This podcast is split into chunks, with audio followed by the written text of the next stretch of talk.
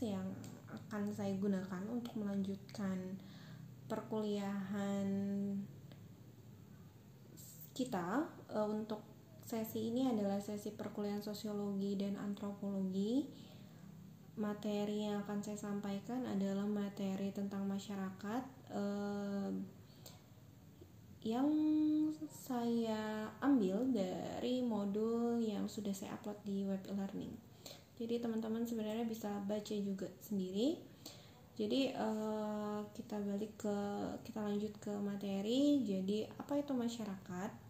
Uh, di modul kan tertulis bahwa yang namanya masyarakat adalah kumpulan sekelompok orang yang secara intens berinteraksi dan menetap secara bersama dalam waktu yang cukup panjang. Jadi kira-kira ada dua hal yang membentuk masyarakat itu adanya interaksi uh, dua orang dua orang atau lebih uh, dan mereka itu bukan berinteraksi hanya sekedar dalam waktu yang singkat tapi mereka berinteraksi dalam waktu yang cukup panjang. Terus uh, dalam bahasa Inggris sendiri yang namanya masyarakat itu disebut sebagai society merupakan asal kata dari socius yang berarti kawan. Jadi pengertian uh, society secara umum menuju pada makna pergaulan antar individu satu dengan individu lain dalam satu kelompok di mana mereka hidup secara bersama-sama dalam bentuk perkawanan. Jadi uh, adanya keterhubungan mereka kalau kawan berarti kan hubungannya saling apa ya? lebih ketergantungan, pergaulan tersebut menjalin hubungan yang sangat erat dan saling membutuhkan antara individu dan kelompok komunitas tersebut.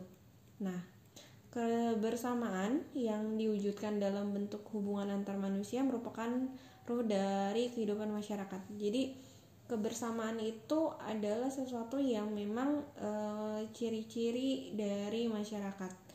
E, Menurut Gellner, bahwa masyarakat dapat dilihat dari bentuk hubungan yang di antara yang ada di antara manusia. Di sini hubungan memainkan peranan penting sebab sebagai sarana di mana manusia satu dan lain-lain saling melakukan kontak dan komunikasi. Jadi un, mereka bersama bukan hanya cuman bersama saja, tapi di dalamnya ada kontak dan komunikasi. Dan uh, Kontak dan komunikasi ini tidak lain dan tidak bukan merupakan sebagai cara mereka untuk uh, bisa dibilang memenuhi kebutuhan mereka. Kayak gitu. Jadi uh, di beberapa definisi lain terkait uh, masyarakat sendiri itu disampaikan oleh Emil Durkheim yang memberi definisi masyarakat sebagai kenyataan objektif individu-individu yang merupakan anggota-anggotanya terus juga eh, di eh, selain itu juga disebut didefinisikan oleh Max Weber masyarakat adalah struktur atau aksi yang pada pokoknya ditentukan oleh harapan dan nilai yang dominan pada warganya. Jadi uh, di antara di dalam masyarakat itu pasti ada uh, lebih dari satu anggota dan mereka itu memang memiliki tujuan tertentu. Jadi terbentuknya masyarakat bisa dibilang karena memang adanya tujuan yang ingin dicapai. Uh, sel sedangkan definisi lain juga disampaikan oleh Sela Sumarjan yang mendefinisikan masyarakat adalah orang-orang yang hidup bersama menghasilkan kebudayaan. Jadi e, berdasarkan interaksi, berdasarkan kesepakatan mereka itu nantinya akan membentuk kebudayaan yaitu tata cara nilai norma yang mereka gunakan untuk berinteraksi. Jadi dari definisi pakar-pakar yang teman-teman bisa dibaca Masyarakat itu merupakan sekelompok manusia yang hidup dalam teritori yang sama, jadi nggak terpencar-pencar, di mana mereka terikat oleh nilai tertentu, mampu mengarahkan anggota-anggotanya bertindak sesuai dengan nilai tersebut, dan e, dari interaksi yang ada masyarakat sebagai satu kesatuan mampu menghasilkan sebuah kebudayaan tertentu. Jadi e, untuk mengatakan sekelompok jadi nggak karena nggak semua kumpulan manusia kumpulan individu itu dapat dikatakan masyarakat. Nah sesuatu yang e, ada beberapa hal yang kemudian bisa diperlukan untuk menyebut uh, satu kumpulan orang-orang itu sebagai masyarakat. Salah nah jadi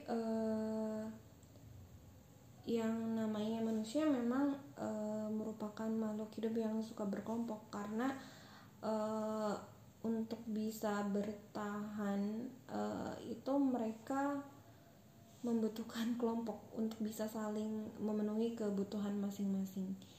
Jadi uh, nah jadi yang namanya masyarakat sendiri atau apa ya kuncara ningrat sendiri mengatakan bahwa setidaknya ada lima ciri khas kehidupan kelompok antara lain uh, itu adanya pembagian kerja yang tetap antara berbagai macam subkesatuan atau golongan individu dalam kelompok untuk melaksanakan berbagai macam fungsi hidup. Jadi di dalam masyarakat pasti ada yang namanya pembagian kerja. Misalnya uh, di dalam uh, tempat tinggal kalian ada ada ada mungkin di ada kelura uh, ada yang nama orang yang bertindak sebagai uh, RT RW terus mungkin juga uh, ada orang yang menjual apa namanya yang toko kelontongan dia sebagai penjual eh, kelontongan ada penjahit mungkin ada juga yang pagi-pagi jual nasi uduk nah itu kan e, itu juga merupakan salah satu dari contoh pembagian kerja. Mungkin buat teman-teman yang e, ya kerjanya pagi dan nggak nggak memungkinkan kan buat e, memasak pagi-pagi e, maka ya udah tinggal beli aja. Atau misalnya e, pembagian kerja lain di dalam rumah sendiri mungkin ada tugas masing-masing antara e, teman-teman e, tugasnya apa di rumah terus e, adik yang punya adik ada tugasnya apa yang punya kakak tugasnya apa terus ibu apa dan ayah apa kayak gitu itu juga merupakan salah satu ciri dari uh, uh, dari individu uh, masyarakat yang berkelompok. Terus selain itu uh, ciri yang kedua itu adalah ketergantungan individu kepada individu lain dalam kelompok sebagai akibat dari pembagian kerja. Nah, karena pembagian kerja itu uh, karena kita tuh sudah saling memberikan fungsi un kepada orang lain, jadinya uh, akan kesulitan ketika kita melakukan semuanya sendiri makanya uh, antara saat uh, antara satu individu dengan yang lain itu memiliki rasa saling ketergantungan. Nah, ciri khas yang ketiga itu adalah kerjasama antar individu yang disebabkan karena sifat ketergantungan tadi. Nah, kalau karena saling ketergantungan, maka perlu adanya kerjasama yang baik agar uh, ya kalau misalnya berkonflik kan nanti ya gimana sa bisa saling me saling memberikan manfaat. Kalau misalnya berkonflik karena ya misalnya dia nggak mau memberikan nah nanti akan kesulitan. Maka butuh adanya kerjasama antar individu untuk bisa uh, memenuhi kebutuhannya. Karena tadi sifat saling ketergantungannya tadi. Nah yang keempat uh, ciri yang keempat adalah komunikasi antar individu yang diperlukan guna melaksanakan kerjasama tadi. Jadi uh, semuanya kerjasama yang dilakukan antar individu itu bisa terjadi karena adanya komunikasi. Maka di ada sistem bahasa yang disusun di dalam masyarakat untuk uh, me, untuk dapat mengetahui maksud dari in, uh, individu apa yang dimaksud an, uh, oleh satu orang ke orang yang lainnya kan butuh uh, tahu karena kan kita nggak mungkin menggunakan bahasa kalbu nah dan yang kelima adanya diskriminasi antara individu warga kelompok dan individu yang lain uh, individu yang lain yang di luar kelompok. Jadi kadang-kadang uh, salah satu yang ada di masyarakat karena kita sudah uh, karena mungkin solidaritas di, di antara satu kelompok ini baik jadi ketika uh, ada uh, kelompok lain atau individu dari kelompok lainnya maka uh, yang jadi prioritas tuh yang mana? Biasanya yang menjadi prioritas adalah kelompok yang ada di dalam kan sehingga orang-orang yang di luar pun uh, muncul adanya diskriminasi terhadap orang-orang yang di luar kelompok kayak gitu. Nah terus uh, nah di dalam masyarakat sendiri kan uh, ada anggota-anggota kelompoknya ya. Di situ ada nilai norma uh, tata cara hidup yang biasanya sudah disepakati. Uh, mereka ada ketentuan baik dan buruk menurut masyarakat tersebut. Nah itu semua uh, diketahui uh, bukan lahir secara naluri ya karena uh, tapi sesuatu yang memang dipelajari. Jadi uh, di dalam individu uh, di dalam masyarakat maaf itu ada yang namanya kita sudah pernah bahas yang adanya sistem sosialisasi. Jadi sosialisasi itu menjadi salah satu uh, cara untuk mengajarkan individu yang tentunya baru atau yang generasi lebih muda tentang pola-pola tingkah laku yang apa saja sih yang harus uh, dia gunakan, dia lakukan, dia jadikan patokan ketika dia berinteraksi uh, di masyarakat. Pola tindakan, pola-pola tindakan dan tingkah laku bisa berubah dan berkembang uh, seiring berjalannya waktu. Jadi mm, yang namanya tingkah uh, pola tingkah tindakan itu tidak di dalam masyarakat tidak selalu sama uh, dal dalam karena pasti akan ada perubahan di dalamnya. Kayak gitu. Jadi yang namanya pola tindakan itu sifatnya dinamis nggak statis. Lalu uh, di sini juga dijelaskan tentang ciri-ciri masyarakat. Ciri-ciri masyarakat sendiri kira-kira ada empat uh, yang sebelumnya kita bahas tentang ciri-ciri kelompok kan uh, yang ini adalah ciri-ciri masyarakat. Jadi yang pertama adanya interaksi antar warga. Interaksi merupakan komponen penting dalam kehidupan masyarakat. Tanpa interaksi tentu kita sulit untuk mengkategorikan sekerumunan makhluk manusia disebut sebagai masyarakat. Jadi uh, antara satu individu dan an anggota kelompoknya tuh harus ada interaksi. Kalau tidak ada interaksi, maka belum tentu kita bisa mendefinisikan kerumunan orang itu sebagai masyarakat. Nah, selain itu juga yang kedua adanya adat istiadat, norma, hukum, dan aturan khas yang mengatur seluruh pola tingkah laku warga, negara, kota, atau desa. Jadi adat istiadat norma aturan dibutuhkan sebagai pengikat agar warga masyarakat bertindak sesuai dengan tujuan kelompok masyarakatnya. Nah, terus yang ketiga itu adalah kontinuitas waktu. Tadi kan di awal sudah disebut bahwa yang namanya masyarakat itu terbentuk dalam waktu yang terikat dalam waktu yang cukup lama. Jadi kontinuitas waktu ini adalah eh, individu-individu dalam masyarakat melaksanakan kegiatan secara bersama-sama dalam kurun waktu yang lama. Jadi misalnya ada kerumunan orang, tapi terikatnya hanya sebentar, kita nggak bisa nyebut itu masyarakat. Karena yang namanya masyarakat harus terikat dalam waktu yang cukup lama.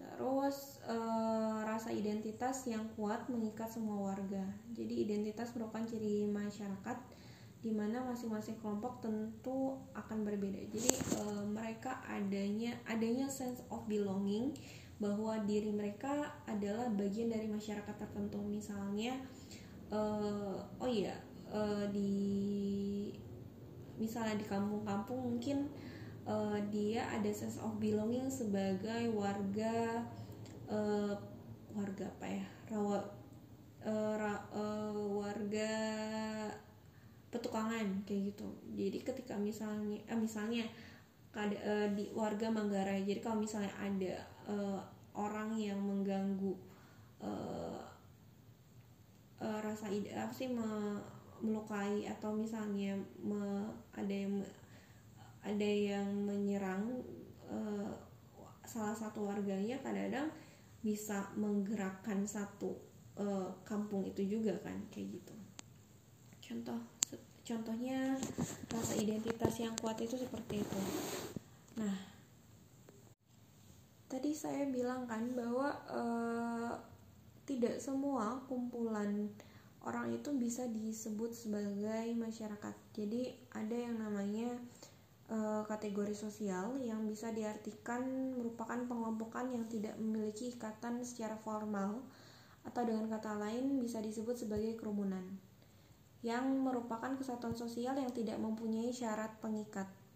Jadi ya mereka secara fisik ada bersama-sama tapi mereka tidak punya unsur lain seperti nilai budaya. Nah, itu eh, kita bisa sebut sebagai kerumunan. Jadi menurut Kuncara Ningrat, kategori eh, sosial ini bersifat eh, tidak memiliki sifat-sifat masyarakat Kategori sosial bisa dilacak dari bentuk ciri atau kompleks ciri-ciri objektif yang melekat pada manusia. Ciri-ciri objek yang ada umumnya menentukan adalah pihak luar bukan dari internal diri manusia tersebut. Dan hal ini tanpa disadari oleh yang bersangkutan. Misalnya contohnya di sini dijelasin adalah masyarakat suatu negara di mana ada ketentuan melalui hukumnya bahwa masyarakat terbagi ke dalam berbagai klasifikasi menurut umur usia yakni ada kategori warga di atas 18 tahun dan sebaliknya. Ada juga masyarakat dibagi menurut kategori profesi, yakni masyarakat kategori pedagang, guru, dosen dan e, sebagainya. Jadi itu merupakan kategori sosial, bukan masyarakat yang mereka dikelompokkan e, berdasarkan e, salah satu e, dengan ciri ciri khas ciri khas tertentu. Nah, selain itu e, golongan sosial itu adalah sesuatu kesatuan manusia yang ditandai oleh suatu ciri tertentu. E, sering kali ciri tersebut dikenakan kepada mereka oleh pihak luar kalangan mereka sendiri. Jadi uh, itu tidak selalu di declare oleh uh, mereka uh, oleh mereka sendiri, tapi bisa jadi dideklar oleh uh, orang lain di luar di luar golongan tersebut. Nah, kalau golongan sosial ini bisa jadi mereka terikat uh, oleh nilai, norma dan adat istiadat tertentu Contoh dari golongan sosial ini adanya misalnya ter, eh, terminologi golongan pemuda. Jadi golongan pemuda memiliki ciri-ciri objektif seperti penuh idealisme, penuh semangat dan vitalitas, bentuk terikat oleh kewajiban tertentu dan sebagainya. Terus golongan sosial terikat oleh ciri objektif tertentu contohnya misalnya dokter. Mereka punya yang namanya etika kedokteran. Terus juga etika-etika uh, apa sih golongan-golongan profesi sendiri kan juga punya uh, punya apa namanya punya etika uh, kode etik kode etik tertentu. Nah itu merupakan bagian dari yang disebut sebagai uh, golongan golongan sos, uh, golongan sosial. Uh, sedangkan kelompok atau perkumpulan memenuhi syarat untuk bisa disebut masyarakat karena memiliki beberapa cara maaf memiliki beberapa ciri. Di antaranya adanya sistem interaksi para anggotanya ada adat istiadat sistem nilai norma yang matur adanya kontinuitas dan adanya rasa identitas persatuan yang seperti disebutkan kan tadi. Jadi eh, Nah, selain itu ada juga ciri tambahan yaitu di dalam organisasi atau sistem uh, di dalam di dalamnya juga biasanya ada juga yang namanya sistem kepemimpinan dan selalu tampak sebagai kesatuan dari individu-individu pada masa yang secara berulang berkumpul dan bubar lagi. Nah, ada yang namanya uh, kelompok Ad, uh, jadi uh, dan ada yang namanya perkumpulan. Jadi Durkheim memperhatikan aspek solidaritas berhubungan dengan individu-individu, kelompok dan perkumpulan, maka kita bisa membagi yang namanya kelompok dan perkumpulan itu kira-kira uh, kelompok itu yang di kategori yang bagian dari kelompok kira-kira itu adalah kelompok-kelompok primary group. Uh, chef solidaritas uh, yang terikat karena solidaritas mekanik Nah, sedangkan kalau perkumpulan itu di antara kayak misalnya asosiasi. Perkumpulan itu kan kayak tadi or, uh, kumpulan organisasi profesi, Gesellschaft uh, atau uh, masyarakat yang terbentuk karena solidaritas organik. Nah, itu kita bisa sebutin sebagai perkumpulan, sedangkan kalau tadi uh, yang merupakan primary group uh, mereka uh, Gemeinschaft, solid terbentuk karena solidaritas mekanik kita bisa kategorikan itu sebagai uh, kelompok. Jadi uh, di tabel uh, di dalam modul kan di situ ada yang namanya uh, bagan yang menjelaskan yang mana sih yang masyarakat ciri-ciri bagi yang membantu kita membedakan yang mana sih yang disebut masyarakat yang mana sih bukan jadi situ ada yang namanya yang masyarakat itu adalah komunitas, kelompok dan perkumpulan. Sedangkan yang bukan e, masyarakat di antaranya itu adalah kerumunan, kategori sosial dan golongan sosial. Nah, perbedaannya kerumunan itu apa? Kerumunan itu pusat orientasi. Jadi mereka punya orientasi tertentu. Jadi kayak mereka terbe, e, mereka terbentuk karena ada pusat yang diperhatikan. Misalnya ada kecelakaan terus orang-orang kemudian berkerumun. Jadi ada kan yang diperhatikan.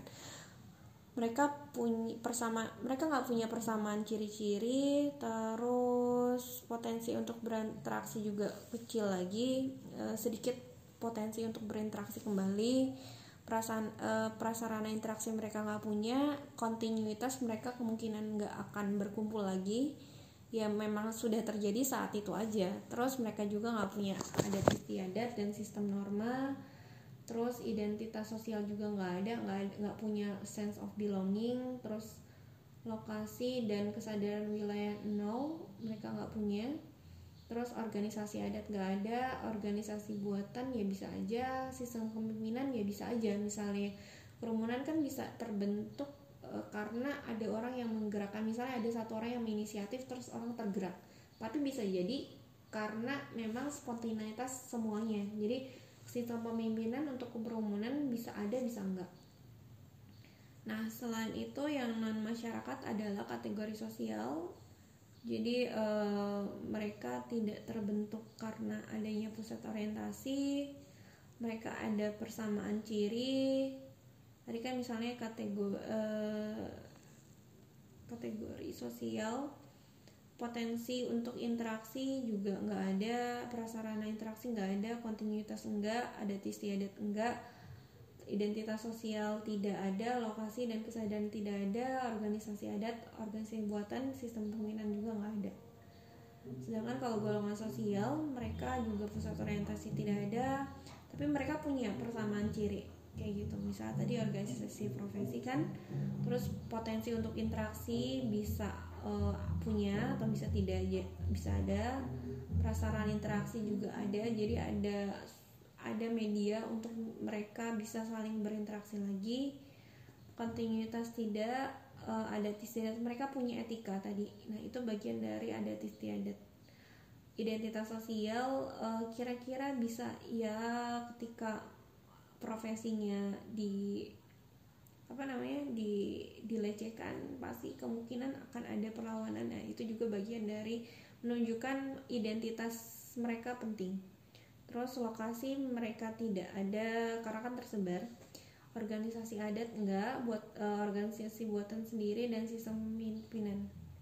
Nah nah sedangkan yang namanya masyarakat itu ada yang namanya komunitas yang memiliki pusat orientasi persamaan ciri, potensi untuk berinteraksi ada, prasarana interaksi ada, kontinuitas ada, adat istiadat ada. identitas sosial ada jadi yang namanya tadi uh, yang masyarakat tadi komunitas kelompok dan perkumpulan mereka tuh hampir semuanya ada kayak gitu sedangkan berbeda dengan uh, masyarakat yang banyak yang ada yang ada ada yang ada ada yang nggak ada kira-kira uh, kira-kira materi untuk masyarakat itu Uh, kalau ada pertanyaan teman-teman bisa tanyakan di grup WhatsApp kelas atau di Instagram. Oke, terima kasih.